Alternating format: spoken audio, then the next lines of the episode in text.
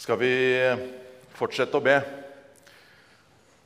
Kjære Jesus, jeg takker deg fordi at eh, vi har fått lov til å høre fra arbeidet i ditt rike, langt vekk herfra. Jeg takker deg, kjære Jesus, for at vi har ordet ditt på vårt språk. Takk for deg for at vi har fått lov til å få Bibelen sånn at vi sjøl kan lese.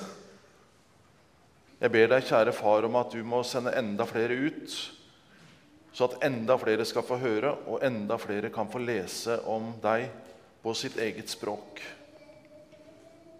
Ber deg, kjære far, for denne samlinga nå. Ber deg for ordet ditt. Takker deg for menigheten, at vi kan få lov til å være sammen. Ber deg om at du skal åpne hjertene våre og kalle på oss hver og en. Ber deg om det i ditt navn. Amen. Vi skal sammen lese i, fra Matteusevangeliet, kapittel 9, vers 35 til 38. I Jesu navn. Jesus vandret nå omkring i alle byene og i landsbyene. Han underviste i synagogene deres, forkynte evangeliet om riket og helbredet all sykdom og plage. Og da han så folkemengdene, fikk han inderlig medfølelse med dem. For de var forkomne og hjelpeløse, som sauer uten gjetter. Da sa han til disiplene sine.: Høsten er stor, men arbeiderne få. Be derfor høstens herre sende ut arbeidere for å høste inn grøden hans. Slik lyder ordet i dag.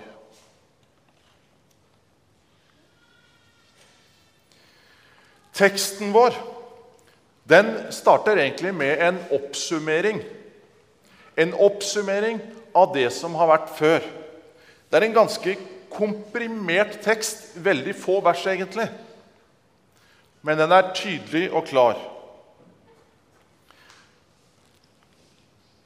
Jesus vandra omkring i alle byene og landsbyene, står det. Ja, jeg har undra meg på hvordan så det ut når Jesus vandra omkring. Hvordan ble Jesus tatt imot? Hvordan ble Jesus sett på? I våre dager så har vi jo sånne A-kjendiser og B-kjendiser og sånne ting. Du har til og med de kjendisene du vil helst ta selfie med. Hvem var Jesus? Hvordan ble Jesus sett på når han gikk omkring i landsbyene i Samaria, Judea osv. osv. Hvem var Jesus? Jeg tror ikke det vi kan lese, at han gikk fra i sus og i dus med fiffen. For det står Hvorfor spiser mesteren deres med syndere og tollere? Nei, Jesus han holdt seg ikke til datidens mektige og de som virkelig hadde makt og myndighet i samfunnet. Han visste der han gikk, hvor han så til de syke, så til de som strevde, så til de fattige, ja, til og med de utstøtte. Og Vi kan også lese i Bibelen at det er ikke alltid han ble tatt så vel imot i synagogene heller.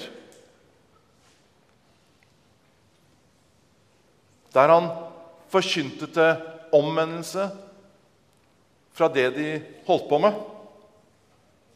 Han vandra. Han gikk fra sted til sted. Ja, endog til Myanmar. Kan vi tenke at vi i dag så skal vi også ut og vandre. Vi også skal ut og ta beina fatt og gå dit hvor Jesus vil ha oss. Han underviste i synagogen deres, forkynte evangeliet om riket og helbredet all sykdom og plage. For å ta det lille tilbakeblikket tidligere i Matteusevangeliet så kan vi lese i kapittel 4. Der starter Jesus sin gjerning. Og Så kaller han de første disiplene sine.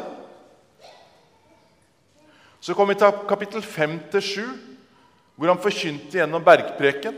Tydelig forkynnelse og undervisning om hvordan vi skal leve, hvordan vi skal være mot hverandre, og hvordan vi skal være i denne verden. Og fra kapittel 8 og til dagens tekst så leser vi om en del av Jesu under. Og at han fortsetter å kalle disipler til tjeneste for han. Og så stiller jeg meg spørsmålet Er det ikke misjon han beskriver, dere? Er det ikke misjon som er beskrevet i det han gjør her? Han forkynner, han underviser, han kaller, og han hjelper med praktiske ting. Ja, med sykdom, med sult. Han gjør brødundre.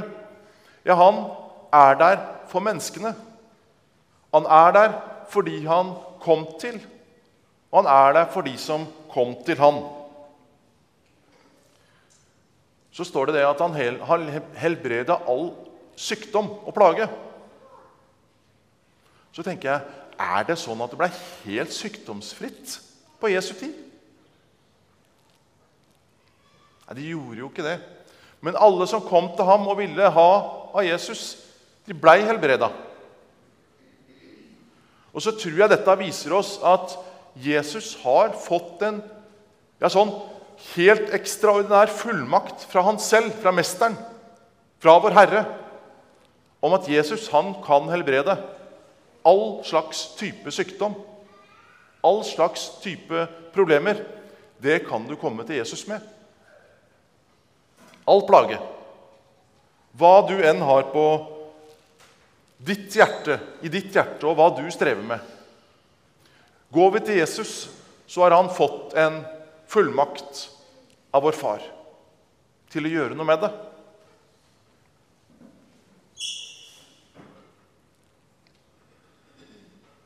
Og da han så folkemengdene, fikk han inderlig medfølelse med dem som var der. For de var forkomne hjelpeløse, som gjetere uten sauer, står det videre. Jeg har prøvd å lese litt.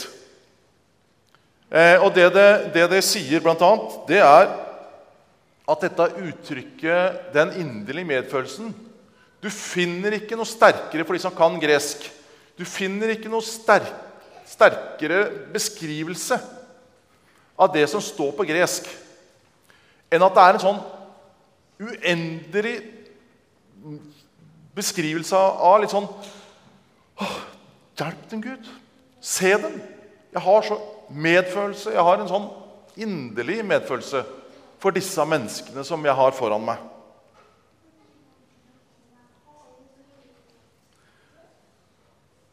Og ikke bare en sånn medfølelse fordi han ser at uh, her har vi en halt, og her har vi en krøpling, og der er vi en sulten, der er vi en fattig. Men en, en sånn medfølelse som går bak fasaden, om at disse trenger noe mer. Disse trenger noe annet. Disse trenger frelse.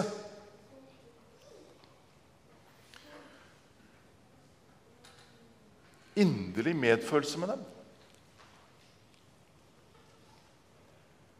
Og så fører dette til noe. Den inderlige medfølelsen fører til noe. Hos Jesus så fører det bl.a. til en oppfordring om bønn. Og kanskje vi får en slags litt sånn innblikk i Jesu bønneliv. Hva han ba om, og hva han ba for. Så stiller jeg meg spørsmålet til meg sjøl og til dere. Hva fører din medfølelse til? Eller kanskje jeg skal begynne litt annerledes. Har jeg virkelig medfølelse? Har jeg den inderlige medfølelsen for disse som går der og ikke kjenner Jesus? De som er helt hjelpeløse? De som er forkommende? Hvor ligger min medfølelse og min bønn? Jeg tror at jeg utad sånn rollemessig kan kanskje virke som en veldig utadvendt type. Men i mange sammenhenger så vil jeg kanskje bli reservert. Kanskje spesielt reservert når det kommer til å tørre å fortelle. Tørre å stå for noe. Jeg lever jo, som kona sier, et ganske sånn liv i bobla. Rektor på en kristen skole. Eldst i en menighet. Det kan vel ikke mer, bli mer bobla enn det. Men når jeg kommer ut, tør jeg virkelig, og har jeg virkelig den inderlige medfølelsen, sånn at jeg kan tørre å la meg engasjere i andre mennesker? Tørre å la meg engasjere av den lidelsen, av den nøden, av det de trenger. For vi skal bry oss. Og Det oppfordrer Jesus til oss, oss, til i dag. Du skal bry deg, jeg skal bry deg, bry meg. Men vi skal ikke immandere andre. Men vi skal bry oss med en sånn inderlig medfølelse og en oppriktig bønn. Stortingsprest eh, Sjur Isaksen han sier, Det er litt sånn fritt oversatt og gjenfortalt. Han sier det er tre ting som de som følger Jesus, som de må være opptatt av. For det første så skal du se mennesker sånn som Jesus ser menneskene. Og for det andre så skal du føle for mennesker det Jesus følte for menneskene. Og for det tredje så skal du tjene menneskene sånn som Jesus tjente. Så sier han videre Den som føler som Jesus, han sover dårligere om natta. Og det fører til en handling fordi du blir vekt av kallet. Det er en uro, det er en medfølelse, som gjør at det må føre til en handling.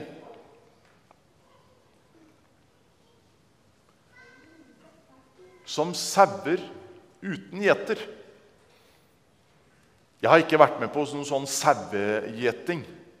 Eh, jeg husker en tidligere prest fortalte meg om hvordan han hadde noen sauer, og hvordan de drev sauesanking om høsten. Men jeg tror stort sett om sommeren så fikk de gå noenlunde fritt og uhindra. Men på Jesu tid så var de altså avhengige, av gjetere. For hvordan oppfører egentlig sauer seg? Jo, sauer oppfører seg vel i utgangspunktet ganske sånn Ja, kanskje skjer det noe her, ja. Hva skjer? Og så spiser de, og så tusler de videre. og så, ja. Tenker kanskje ikke så mye på hva som er rundt.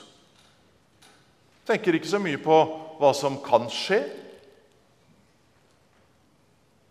I Isaiah 52, 6 så står det vi, vi gikk oss alle vill som sauer. Hver tok sin egen vei. Ja, kom det en fare, ja, så blei noen slengt dit og noen dit, og så løp de hver sin vei, og så blir på en måte flokken spredt for alle vinder. Så lenge de ikke har en gjeter. En gjeter som i utgangspunktet passer på, som holder villdyra unna, og som fører de til beiter, fører de til vann, fører de sånn at de kan få hvile ja, de er fortapt uten en gjeter. Og så sier Jesus om seg sjøl at 'jeg er den gode hyrde'. Og hvem er da i dag de gode hyrdene? De gode hyrdene i menigheten.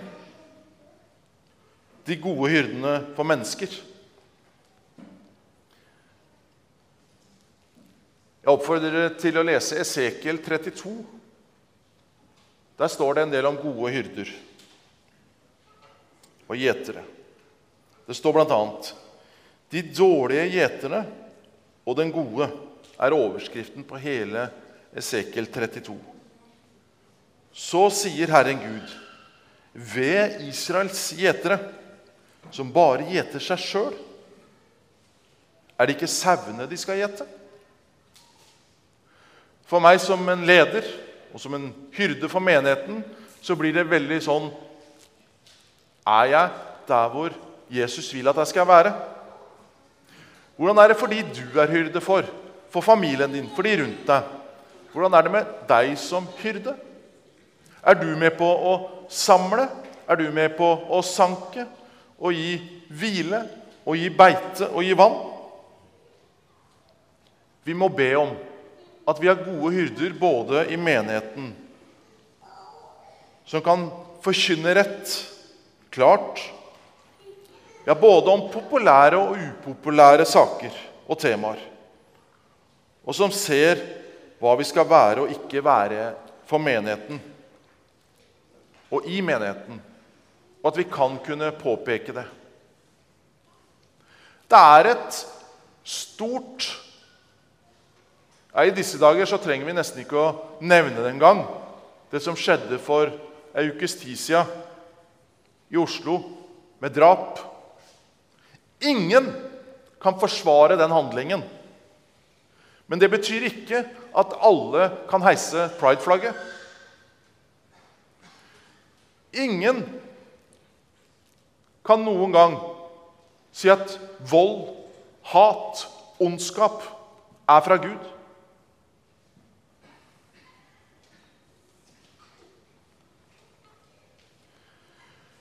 I første Tessalonikerbrev, som er en av lesetekstene i dag, så får vi egentlig litt sånn um, jeg holdt på å si, Det er nesten en sånn misjonsskolelærers uh, forkynnelse og undervisning. Og Paulus han sier det. Vi søkte heller ikke ære hos mennesker, verken hos dere eller andre, selv om vi kunne ha brukt vår myndighet som Kristi apostler. I stedet var vi som spedbarn blant dere som når en amme steller sine egne barn. Slik var vi blitt inderlig glad i dere og ville gjerne gi dere ikke bare Guds evangelium, men også vårt eget. Og Så fortsetter han å undervise og fortelle om at 'jeg sjøl skal til side'. Det har ingen betydning. Verken du eller jeg har noen betydning. Det er gjerningen og det som gjøres i Guds navn. Og så avslutter han med Derfor takker vi stadig Gud. For da dere fikk overlevert fra Guds ord, som vi forkynte for dere, tok dere imot det. Ikke som menneskeord, men som det Guds ord som er sannhet. Og dette ordet er virksom i dere som tror.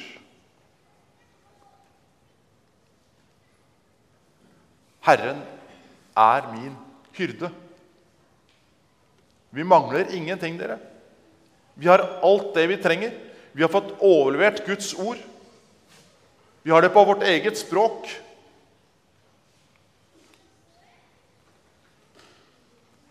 Ikke våre ord, men det er Guds ord.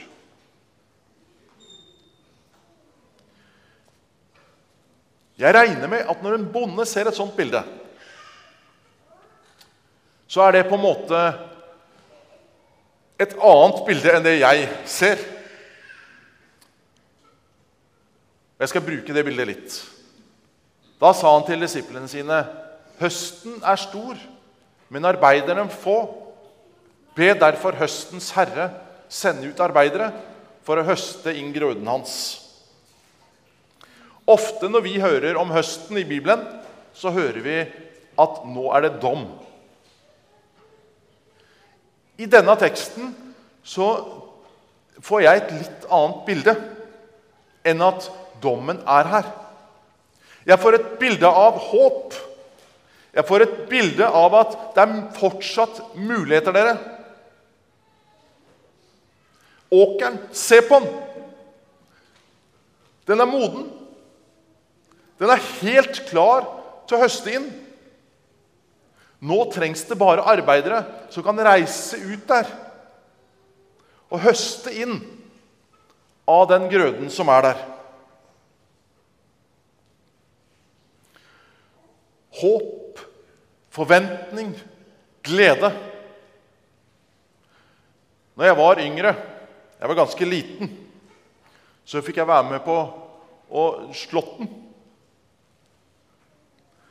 På en gård i Vestfold.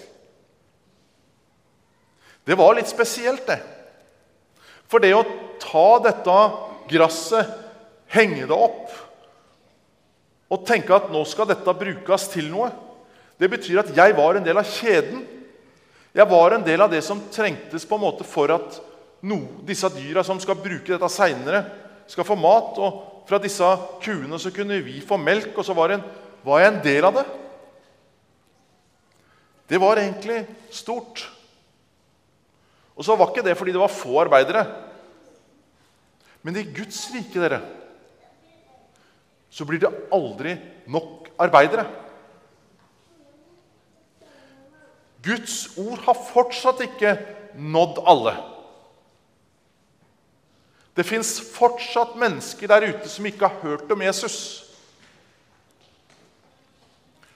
Høsten er moden.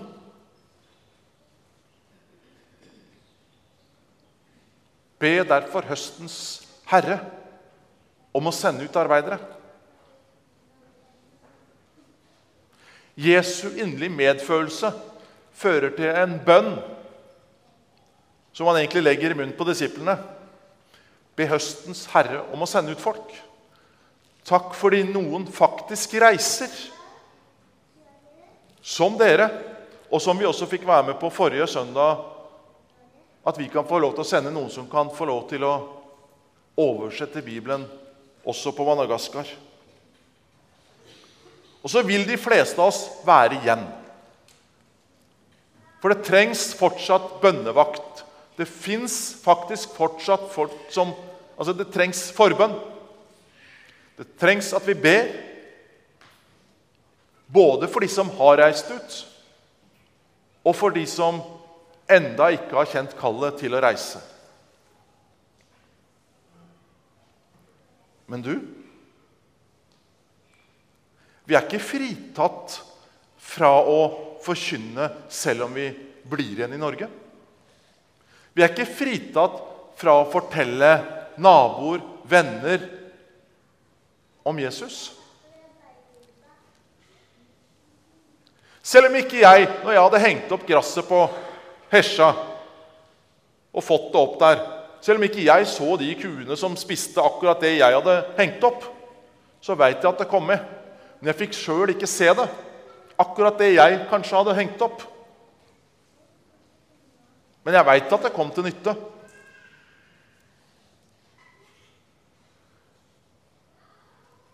Det er ikke så lenge siden så kom det en tidligere elev til meg og fortalte meg at han hadde blitt frelst.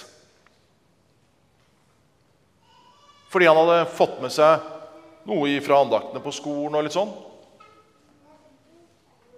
Men han hadde først tatt imot Jesus etterpå. Det er sjelden, vi får, eller sjelden jeg får høre om sånne episoder. Sist gang jeg hørte om det, at det var da jeg var i militæret. Jeg har sikkert sagt det før òg, hvor jeg fikk lov til sammen med en kamerat å få lov til å være med å be for. Og vi kunne også fortelle om hva vi sto for, når de andre i troppen lurte på hva i all verden er det vi gjorde på det kapellet hele tida. Vi kunne fortelle at vi trodde på en frelser. Og så hører jeg noen år etterpå om at det var en på Kongsberg som hadde tatt imot Jesus fordi han hadde hatt to soldater, medsoldater under militærtida som hadde fortalt om et eller annet som han den gangen bare sa nei takk til. Men så hadde det virka. Guds ord virker, dere. Vi skal ikke se smått om det vi kan fortelle. Høsten er stor, men arbeiderne er få. Er du villig til å gå? Og hva nå? Hva nå? Ja, Vi har folk som er ute, men vi har enda ikke nådd ut. Det Jesus gjorde i starten av neste kapittel, det er at han samler disiplene, og så sier han nå skal dere gå ut. Dere får makt til å drive ut onde ånder. Og dere får makt til å helbrede all sykdom og plage. Dere skal ut. Dere skal starte der og der. Så skal dere ut og forkynne. Ja, kanskje mitt Jerusalem er min familie. Og så skal vi gå ut og forkynne. For høsten, den står allerede gul. Den er klar for innhøstning. Den er klar for at du og jeg skal få lov til å gå ut og fortelle om Jesus.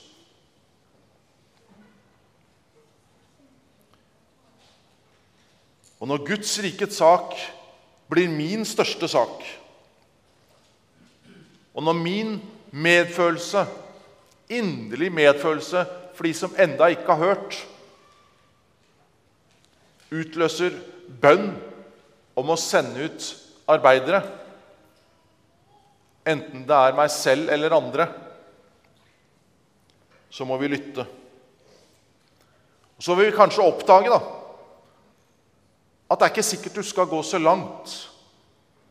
Men spørsmålet er vil du i dag lytte og høre hvor vil Jesus ha deg gjennom sommeren, gjennom høsten? I små og store oppgaver for Jesus. For Jesus han legger utfordringer på oss alle, små og store, og ikke minst i bønnens tjeneste.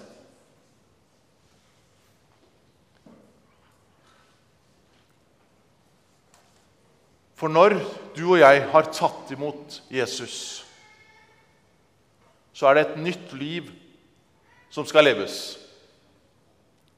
Og der er det ingen veier som tar slutt. Der fins det i utgangspunktet ingen hindringer og grenser. Det er nye fotspor som skal bryte nytt land. Hvor det fører, ja, det veit bare Gud. Men det vi veit, det er at vi har starta en vandring. Og den vandringa, den har hele verden som sitt mål. Og har du Jesus med på den vandringa? Har du Bibelen med deg? Om ikke fysisk, så i hjertet. Så kan du ikke gå deg vill. Selv om oppgavene kan føles håpløse og store, så er det Jesus som har sendt deg. Og da vil han føre deg det neste skrittet på veien. Kjære Jesus, takk for ordet ditt. Takk for at du utfordrer meg til å gå utafor min egen komfortsone og be deg, kjære far, om hvor vil du sende meg? Hvor vil du at jeg skal gå? Kjære Jesus, vi ber deg i dag om, for oss alle om at du må sende oss dit du vil. For høsten er stor, og arbeiderne få. Vi ber deg derfor om at du skal sende ut arbeidere her i Grenland ja, like til jordens ender. Takk for alle som går inn i kallet. Og må du hjelpe oss sånn at vi kan være trofaste i det kallet du gir oss, og de oppgavene du gir oss. Velsign oss alle i ditt navn. Amen.